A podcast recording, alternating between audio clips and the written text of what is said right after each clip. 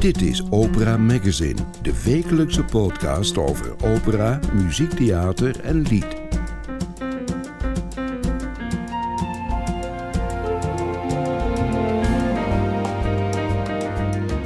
In deze aflevering van Opera Magazine hoort u Willem de Vries over het Prinsengrachtconcert van komend weekend. Michael Wilmering die een first date heeft tijdens O met High Hawaii. En Matthijs van der Woert die eindelijk op tournee kan met de cello-opera We'll Never Let You Down.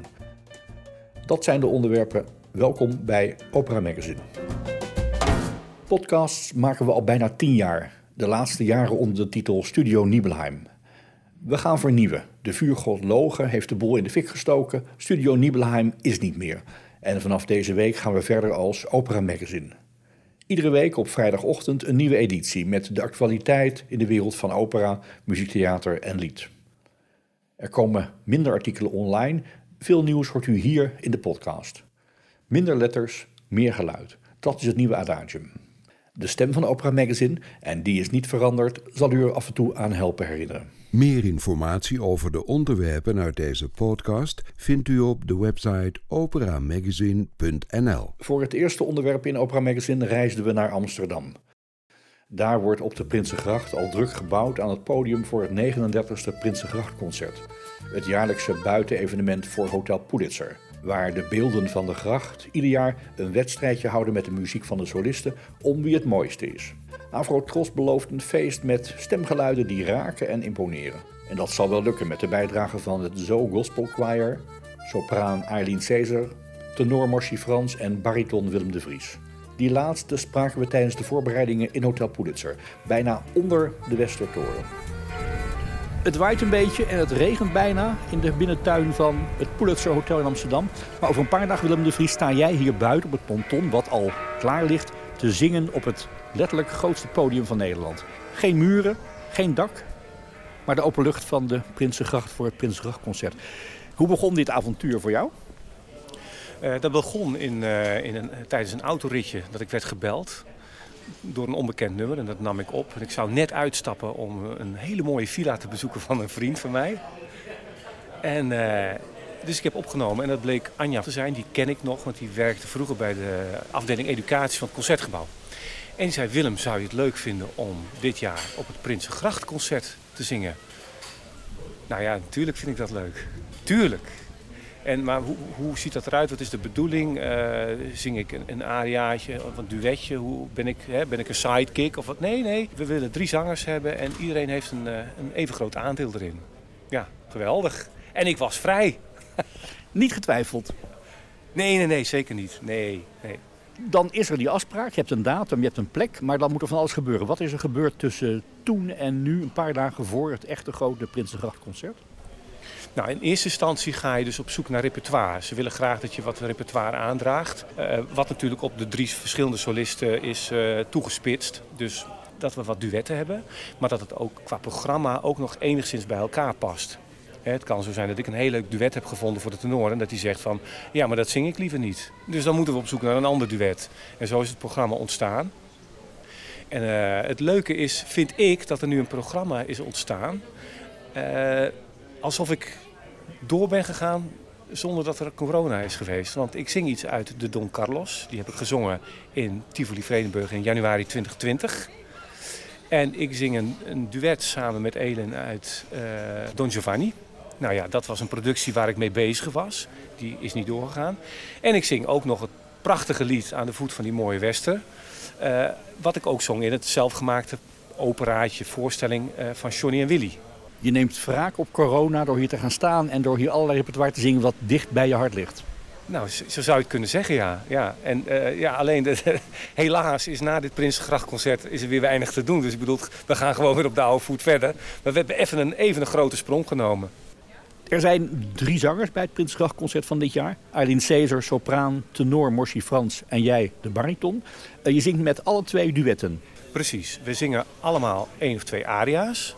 Ik heb dan één aria ingewisseld voor een lied aan de voet van die mooie wester. En we zingen allemaal een duet met elkaar. We hebben trouwens geen tercet, zit ik me nu ineens te bedenken. Dat hebben we niet. Ja, wel natuurlijk. Aan het einde zingen we aan de Amsterdamse gracht. Hè. Dat, Wat een, een verrassing. Ja, wat een verrassing inderdaad. Nou, Lazzi de Rem La Mano is, is ook een terugkerend uh, item, zag ik. Komt ook vaak terug. Maar los daarvan, uh, ik wou zeggen, in het duet met Morsi Frans, uh, daar zingen we van Verdi uit La Forza del Destino, het, het, duet Solenne in Questora. Daar heet ik volgens mij Don Carlo. En volgens mij heet hij Alvaro. En daar sterft hij. Morsi sterft. En daar hou ik zijn hand vast. Vervolgens zing ik ergens in het programma een aria uit de opera Don Carlos. Maar ik heet dan Rodrigo. En daar sterf ik, terwijl Moshi mijn hand vast moet houden. Ik weet niet of hij er on stage is hoor, maar ik vond dat wel een heel grappig iets. Daar kun je weer een link inzoeken die er eigenlijk helemaal niet is. Het is geen rode draad, het is gewoon puur toeval. Maar we gaan allebei dood. Het wordt een ongekend dode boel hier aan de gracht uh, komende zaterdag. Maar ook heel levendig, want het ZO Gospel Choir staat erbij. Er is een klein ensemble van het Radio Philharmonisch Orkest wat begeleidt. Je staat op dat buitenpodium zonder reflectie. Ik weet dat zangers het altijd lastig vinden om buiten te zingen. Vanwege het ontbreken van iets van een galmpje of een, of een, geluid wat terugkomt. Hoe uh, los jij dat op? Nou, wij zijn in, volgens mij worden wij hier verwend. Want ik, volgens mij worden wij versterkt. En dan komt er altijd een, uh, een, een, monitor te staan die het uh, geluid uh, teruggeeft. Maar je zingt natuurlijk wel op je eigen vertrouwde techniek, laat ik het zo zeggen. Hoe dat wordt, ik weet het niet. mijn ervaring met Opera Zuid is, nou zongen we vaak in de open lucht in, in, in Den Bosch, hè, op Opera aan de Parade. Daar was het geluid zo goed dat je dat helemaal niet door had. Uh, ik heb natuurlijk hier in het, uh, tijdens het Grachtenfestival heel veel operaatjes gezongen in de tuin van Museum van Loon. En daar merk je wel, dat is niet versterkt, dat je gedurende de repetitieperiode toch wel echt last krijgt van, van je strot. Omdat je te veel geeft, omdat je niks terugkrijgt. Dus uh, het, het heeft heel veel nadelen, maar ik denk dat het hier goed gaat komen de laatste dagen voor het concert eh, zijn ingegaan. Hoe bereid je je de komende dagen voor? Heb je een programma in je hoofd of een soort regime in je hoofd om je helemaal fit te houden voor zaterdagavond 21 uur 20? Ja, ik ga vroeg naar bed. Dat doe ik al een hele maand. En ik, uh, ik doe heel veel ademoefeningen. Ik ben veel aan het zingen. Ik moet nog wat teksten doorkijken. Er zitten nog wel wat veranderingen in op het laatste moment. En ik heb zelfs woensdag nog een zanglesje afgesproken bij mijn juf, Margreet Honig. En dat vind ik ook, dat verdient ze ook. Ik vind het ook leuk om dit samen met haar te doen. ik ben bij haar in Amsterdam begonnen en dan uh, kom ik weer terug voor een heel mooi concert in Amsterdam. En dan vind ik dat ook leuk om dat ja, met behulp van haar te doen. Dorette Kuipers, de producent, liep hier net rond en die zei... A, het wordt een avond helemaal gewijd aan de zang. Gepresenteerd door Jet Berghout, die dat voor het eerst doet. En het wordt een avond dat we weer samen zijn en misschien ook wel samen zingen. Want dat, zeker dat laatste lied wordt samen gezongen. Wordt het emotioneel?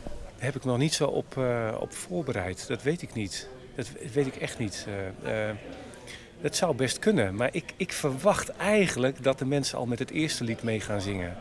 En ik weet ook niet welke rol ik straks heb op het podium. Maar ik zou bijna willen zeggen allemaal. Maar ik weet, niet, ik weet überhaupt niet of mensen nu mogen zingen.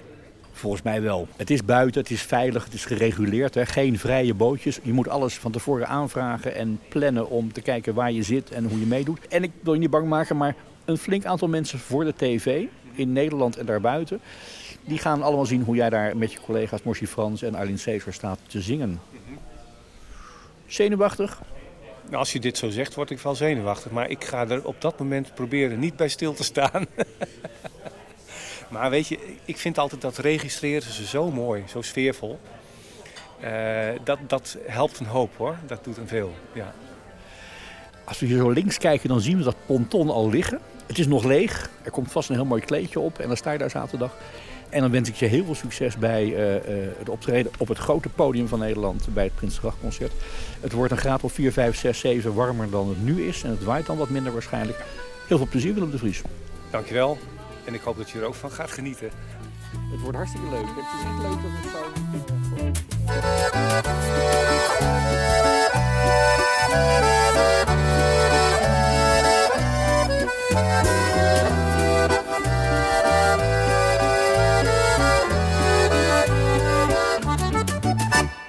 luistert naar Opera Magazine. Niet alleen in Amsterdam is er klassieke muziek in de openlucht.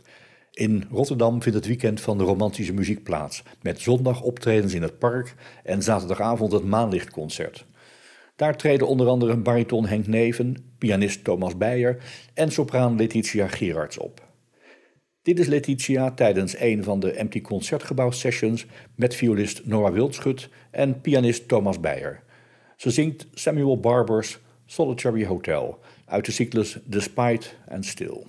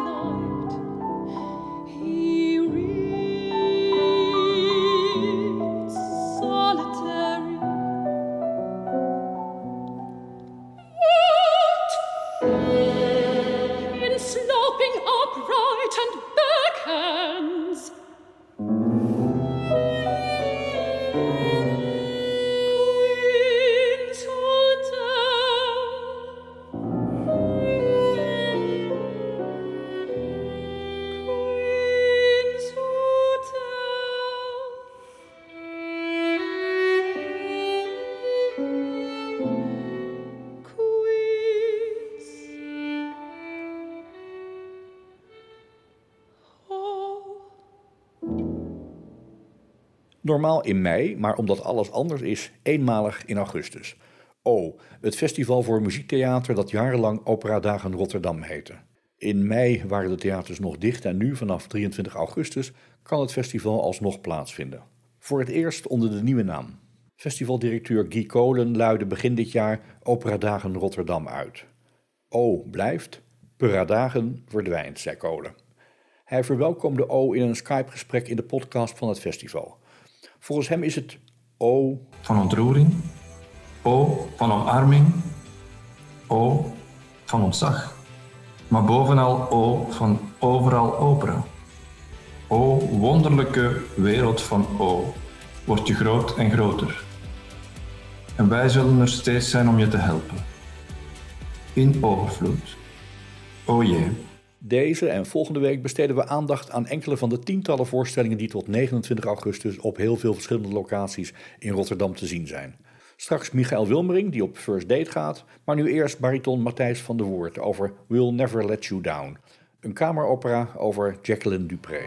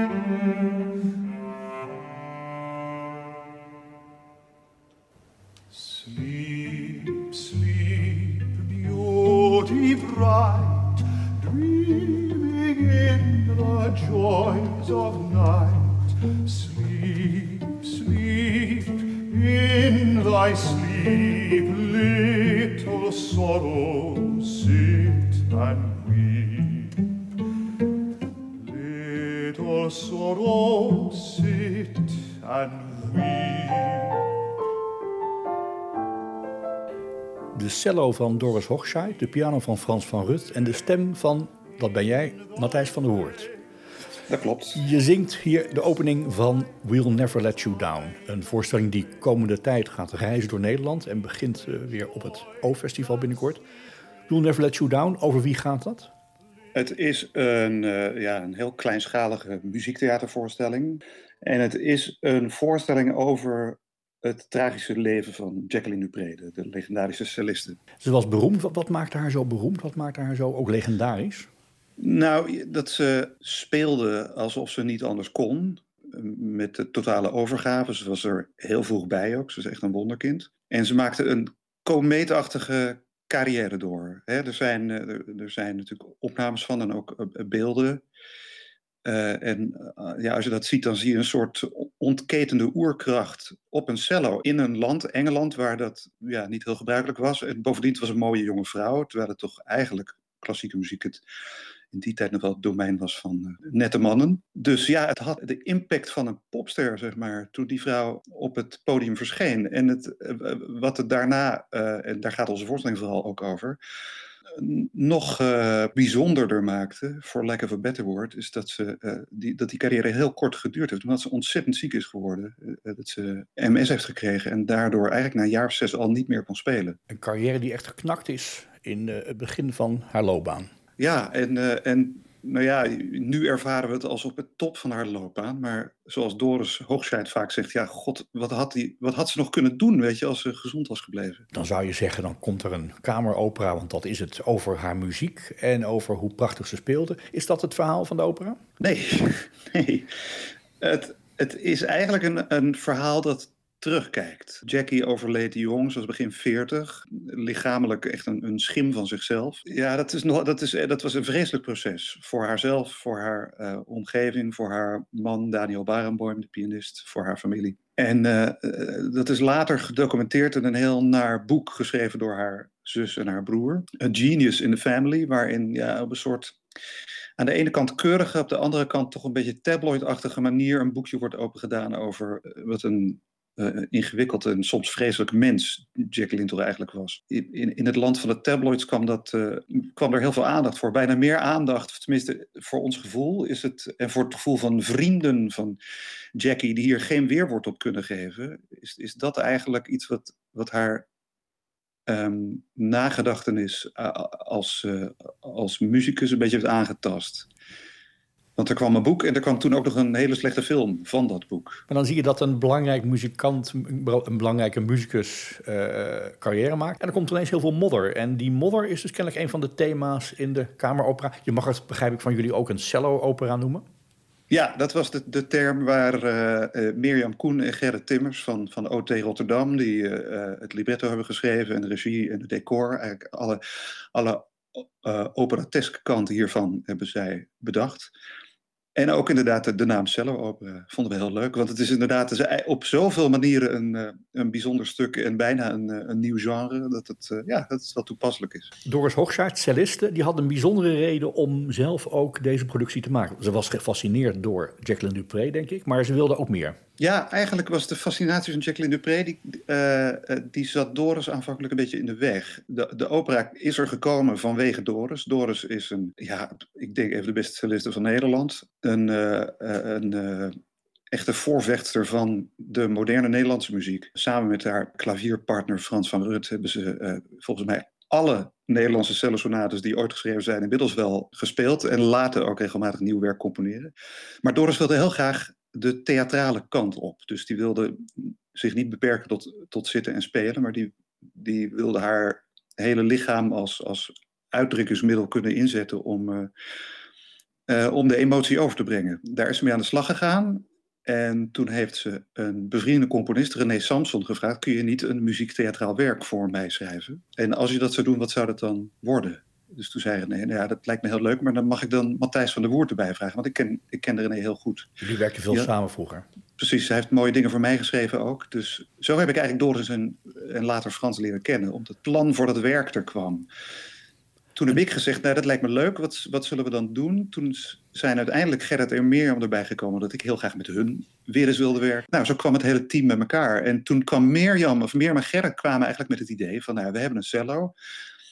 Kunnen we, moeten eigenlijk iets met dat, met dat ongelofelijke verhaal van Jacqueline Dupré gaan doen. En toen zei Doris, ja oké, maar ik wil niet Jacqueline Dupré spelen, want dat kan niet. Dat moet je ook niet willen, dat moet niemand doen. En toen zeiden Mirjam en Gerrit, nee, maar we willen eigenlijk, kunnen we geen stuk maken wat terugkijkt op wie Jackie was, gezien door de ogen van de mensen die haar echt hebben gekend. Uh, dus een, een uh, fictieve vriend en een fictieve vriendin, die ontzettend veel van haar gehouden hebben, muziek hebben gemaakt met haar, nu ontzettend veel verdriet hebben over A, dat ze er niet is, en B, wat er vervolgens allemaal met haar en haar nagedachtenis is gebeurd. Dus dat boek, die film.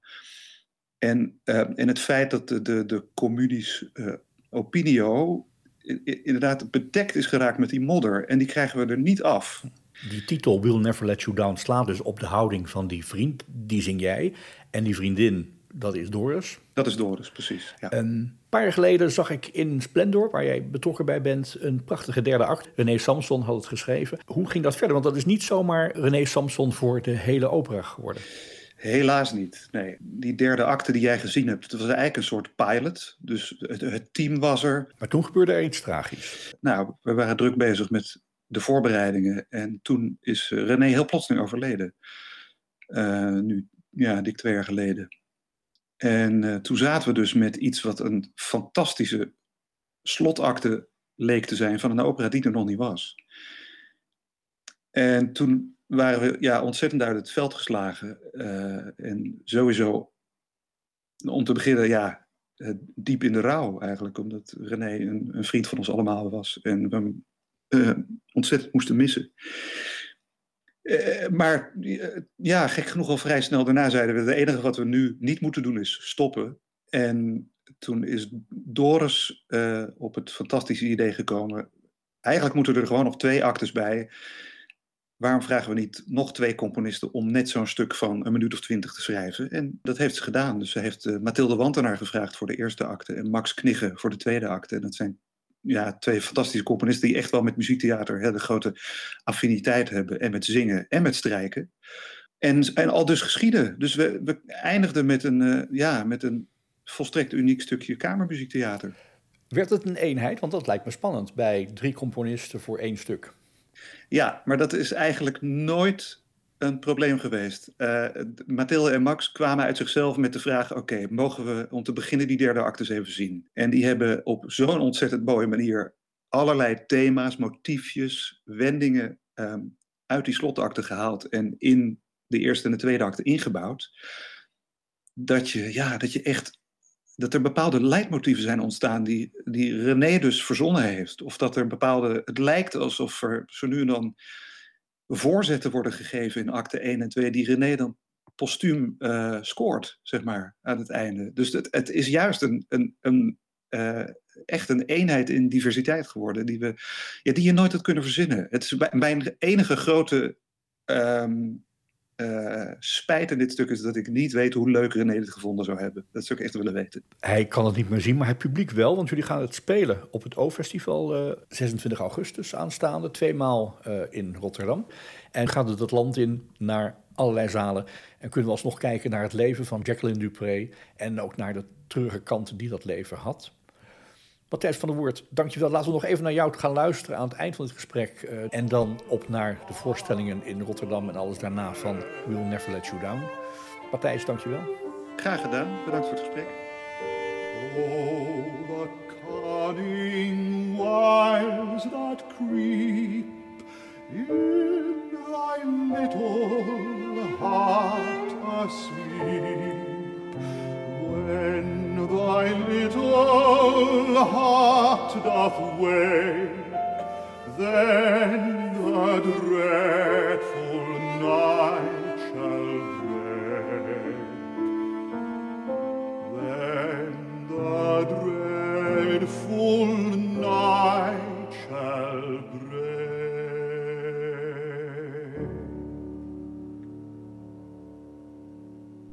informatie over de onderwerpen uit deze podcast vindt u op de website operamagazine.nl. In het programma-onderdeel First Dates gaan tijdens O zangers op een muzikale date met muzici uit hele andere werelden. Cora Burggraaf bijvoorbeeld met rapper Raw Roots. En bariton Michael Wilmring is gekoppeld aan het Brusselse duo High Hawaii. Zangers zijn altijd onderweg. We troffen Michael voor een kort gesprek op Den Haag Centraal. Waar ga je heen? Ik ga nu naar Amsterdam toe. Om, uh, ik heb een uh, repetitie. Dus. Met wie? Met Daan Bortien, want we zijn ons helemaal aan het voorbereiden voor onze uh, CD-opname. Daar gaan we straks misschien nog heel kort over praten, ja. maar we hebben het over first dates. Yes. Je tweede first date succes ja, wordt dit. exact. Dus ik moest heel hard lachen toen ik gevraagd werd. Want ik dacht, ik dacht dat ik... Ik heb natuurlijk mijn vriend ontmoet bij first dates. Maar nu mag ik het weer overdoen. En nu zelfs met twee mannen, dus moet je nagaan. Het wordt vast heel romantisch. Exact. We lopen even de koffieshop binnen. Ja. Dan hebben we iets meer ruimte. Je reist veel? Nou ja, dat ben ik gewend. Ik vind het ook wel lekker. Kan je lekker muziek luisteren onder, onderwijl. Ja. First dates op het O-festival, voorheen operadagen.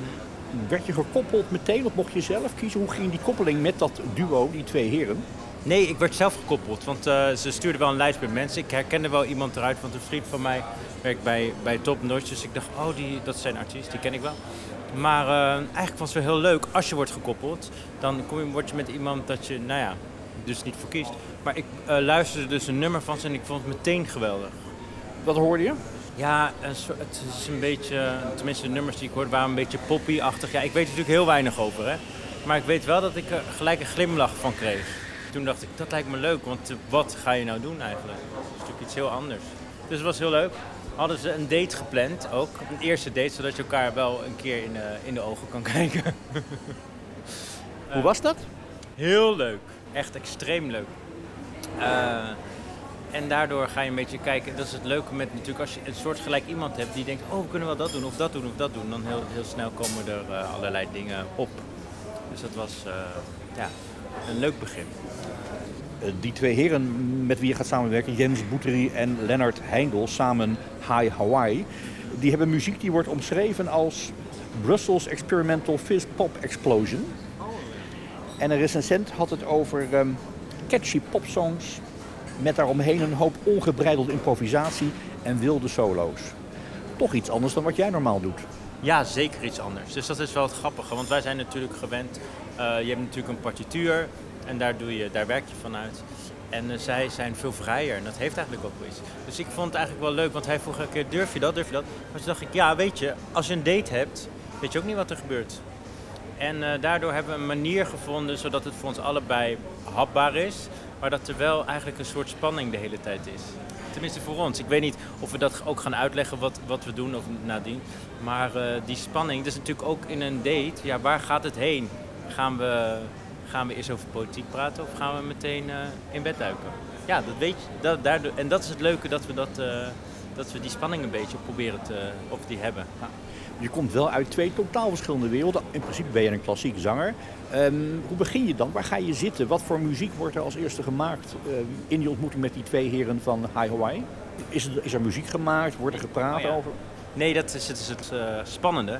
Want ze zeiden van we willen eigenlijk het liefste dat jullie niet repeteren. Dat jullie kunnen wel dingen afspreken en uh, met elkaar sparren. Maar liefst niet ehm, repeteren zodat tijdens het concert dat dat ook echt onze date is. Dat is dan eigenlijk dan onze second date, maar wel onze first date muziekmakende.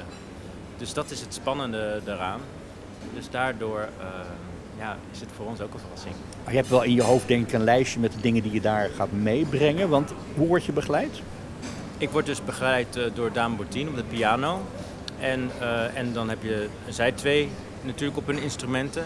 En dan kijken we ja, waar, waar het heen gaat. Het wordt in ieder geval niet, dat, uh, dat was het idee, dat je eerst voor elkaar allebei een lied speelt of, of zingt.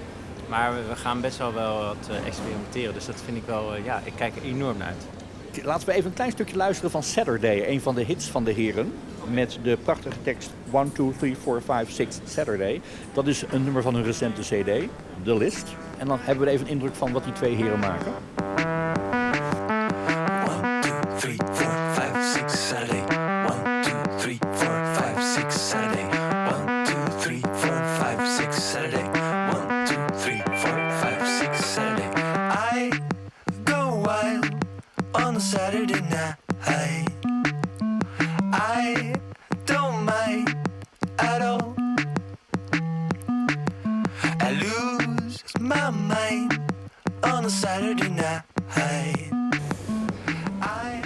Gaan zij dus doen. Iets in die richting op het concert. Heb jij met Daan afspraak gemaakt over wat je gaat zingen? Ja, dat hebben we gedaan. Elkönig. Meteen een soort mini-opera eigenlijk. Ja, daarom. Daarom leek me, daar kan je meerdere dingen mee doen. Zij kunnen makkelijk geïnspireerd worden. Eh, wij weer da- eh, o- door hun geïnspireerd worden. Dus, dus toen kwam het meteen bij me op van, oh, dat is, dat is natuurlijk een heel spannend lied. En dat, de, die, eh, die spanning ook daarin en waar het heen gaat en de verschillende kleuren. Nou, daar gaan we dus mee experimenteren. En zij kunnen live inbreken in jouw Erlkönig. Ja, eigenlijk wel. En ik ook bij hun. Je mag toch hopen dat het opgenomen wordt of dat het ergens bewaard blijft wat er gebeurt. Want het is maar eenmalig op maandagmiddag in het Dudok in het park onder de Euromast in Rotterdam. Dat klopt. Dus het wordt volgens mij ook wel opgenomen inderdaad. Maar dat is dus het hele concept. En dat vind ik eigenlijk ook heel leuk eraan. Het is eenmalig en het gebeurt op dat moment. Nou ja, er kunnen dingen misgaan, maar er kunnen ook hele bijzondere dingen ontstaan. En eigenlijk denk ik, kan er niks misgaan. Denk ik eigenlijk. Want alles wat gebeurt is per definitie oké. Ja, denk ik wel. Je bent daar met Daan Boertien en jullie gaan samen iets heel bijzonders doen. Vooral voor een jonge zanger en een jonge pianist een behoorlijk bijzonder project. Namelijk De winterreizen, ja, echt. de echte van Schubert. Zeker weten. Het was dat Brandon van eh, Triptych, eh, van het CD-label, aan mij vroeg van... Goh, ik heb echt een, een wishlist en ik zou zo graag de winterreizen willen doen. Zou jij dat willen doen? En toen dacht ik, daar heb ik er echt over na moeten denken. Want het is heel veel gedaan, uiteraard. Maar toen heeft Maxima mij heel erg geïnspireerd. Want toen zij op tv zo vanuit haar hart sprak, dacht ik... Ja, het maakt eigenlijk niet uit wat voor werk je doet. Als je het maar vanuit je hart doet, dan kan je er iets eigens aan geven. En is het ook iets, ja, iets fris of iets nieuws van, je, van jezelf. Toen dacht ik, dit moet ik doen. Want er is in de klassieke wereld dus altijd zo'n stempel op dingen van... ja, maar de winterreis, ja, dat, dat weet je wel. Dat doe je pas als je 50 bent of zo. Toen dacht ik, ja, eigenlijk moeten we dat ook doorbreken. Wordt het een jeugdige winterreizen? Nou, eh, ik denk eh, eh, op een bepaalde manier denk ik wel. Ja, het is de winterreizen zoals ik hem nu voel. Ik denk over tien jaar of over vijf jaar dat je hem weer anders voelt. Maar dan kan je juist ook over andere dingen weer misschien laconieker denken, waar ik nu meer pijn bij voel. Ik zie wel eens op Instagram dingen voorbij komen met die vriend van je die je kent van First Dates. En dan is het één berg van geluk. Ben je niet gewoon veel te gelukkig om winterreizen op te nemen? Ja, dat is het vreselijke van Instagram. Hè? Dan denk je al dat het hele leven alleen maar leuk is. maar helaas, dat is natuurlijk niet altijd zo. Die opname komt eraan, die ga je maken. Maar eerst binnen het O-festival die wonderlijke date tussen Hi Hawaii en Michael Wilmering met Daan Boertien. Veel plezier en eh, goede reis. Heel erg bedankt. En jij ook een fijne dag. Het culturele seizoen komt volop op gang met de uitmarkten in verschillende steden en met de start van de ticketverkoop van bijvoorbeeld de Opéra Royale de Wallonie in Luik op 26 augustus en op zaterdag de 21ste de losse verkoop van kaarten voor Opera Vlaanderen. We houden u op de hoogte. Tot volgende week. Dit was Opera Magazine, productie François van den Anker. Meer informatie en de volledige opera-agenda vindt u op www.operamagazine.nl.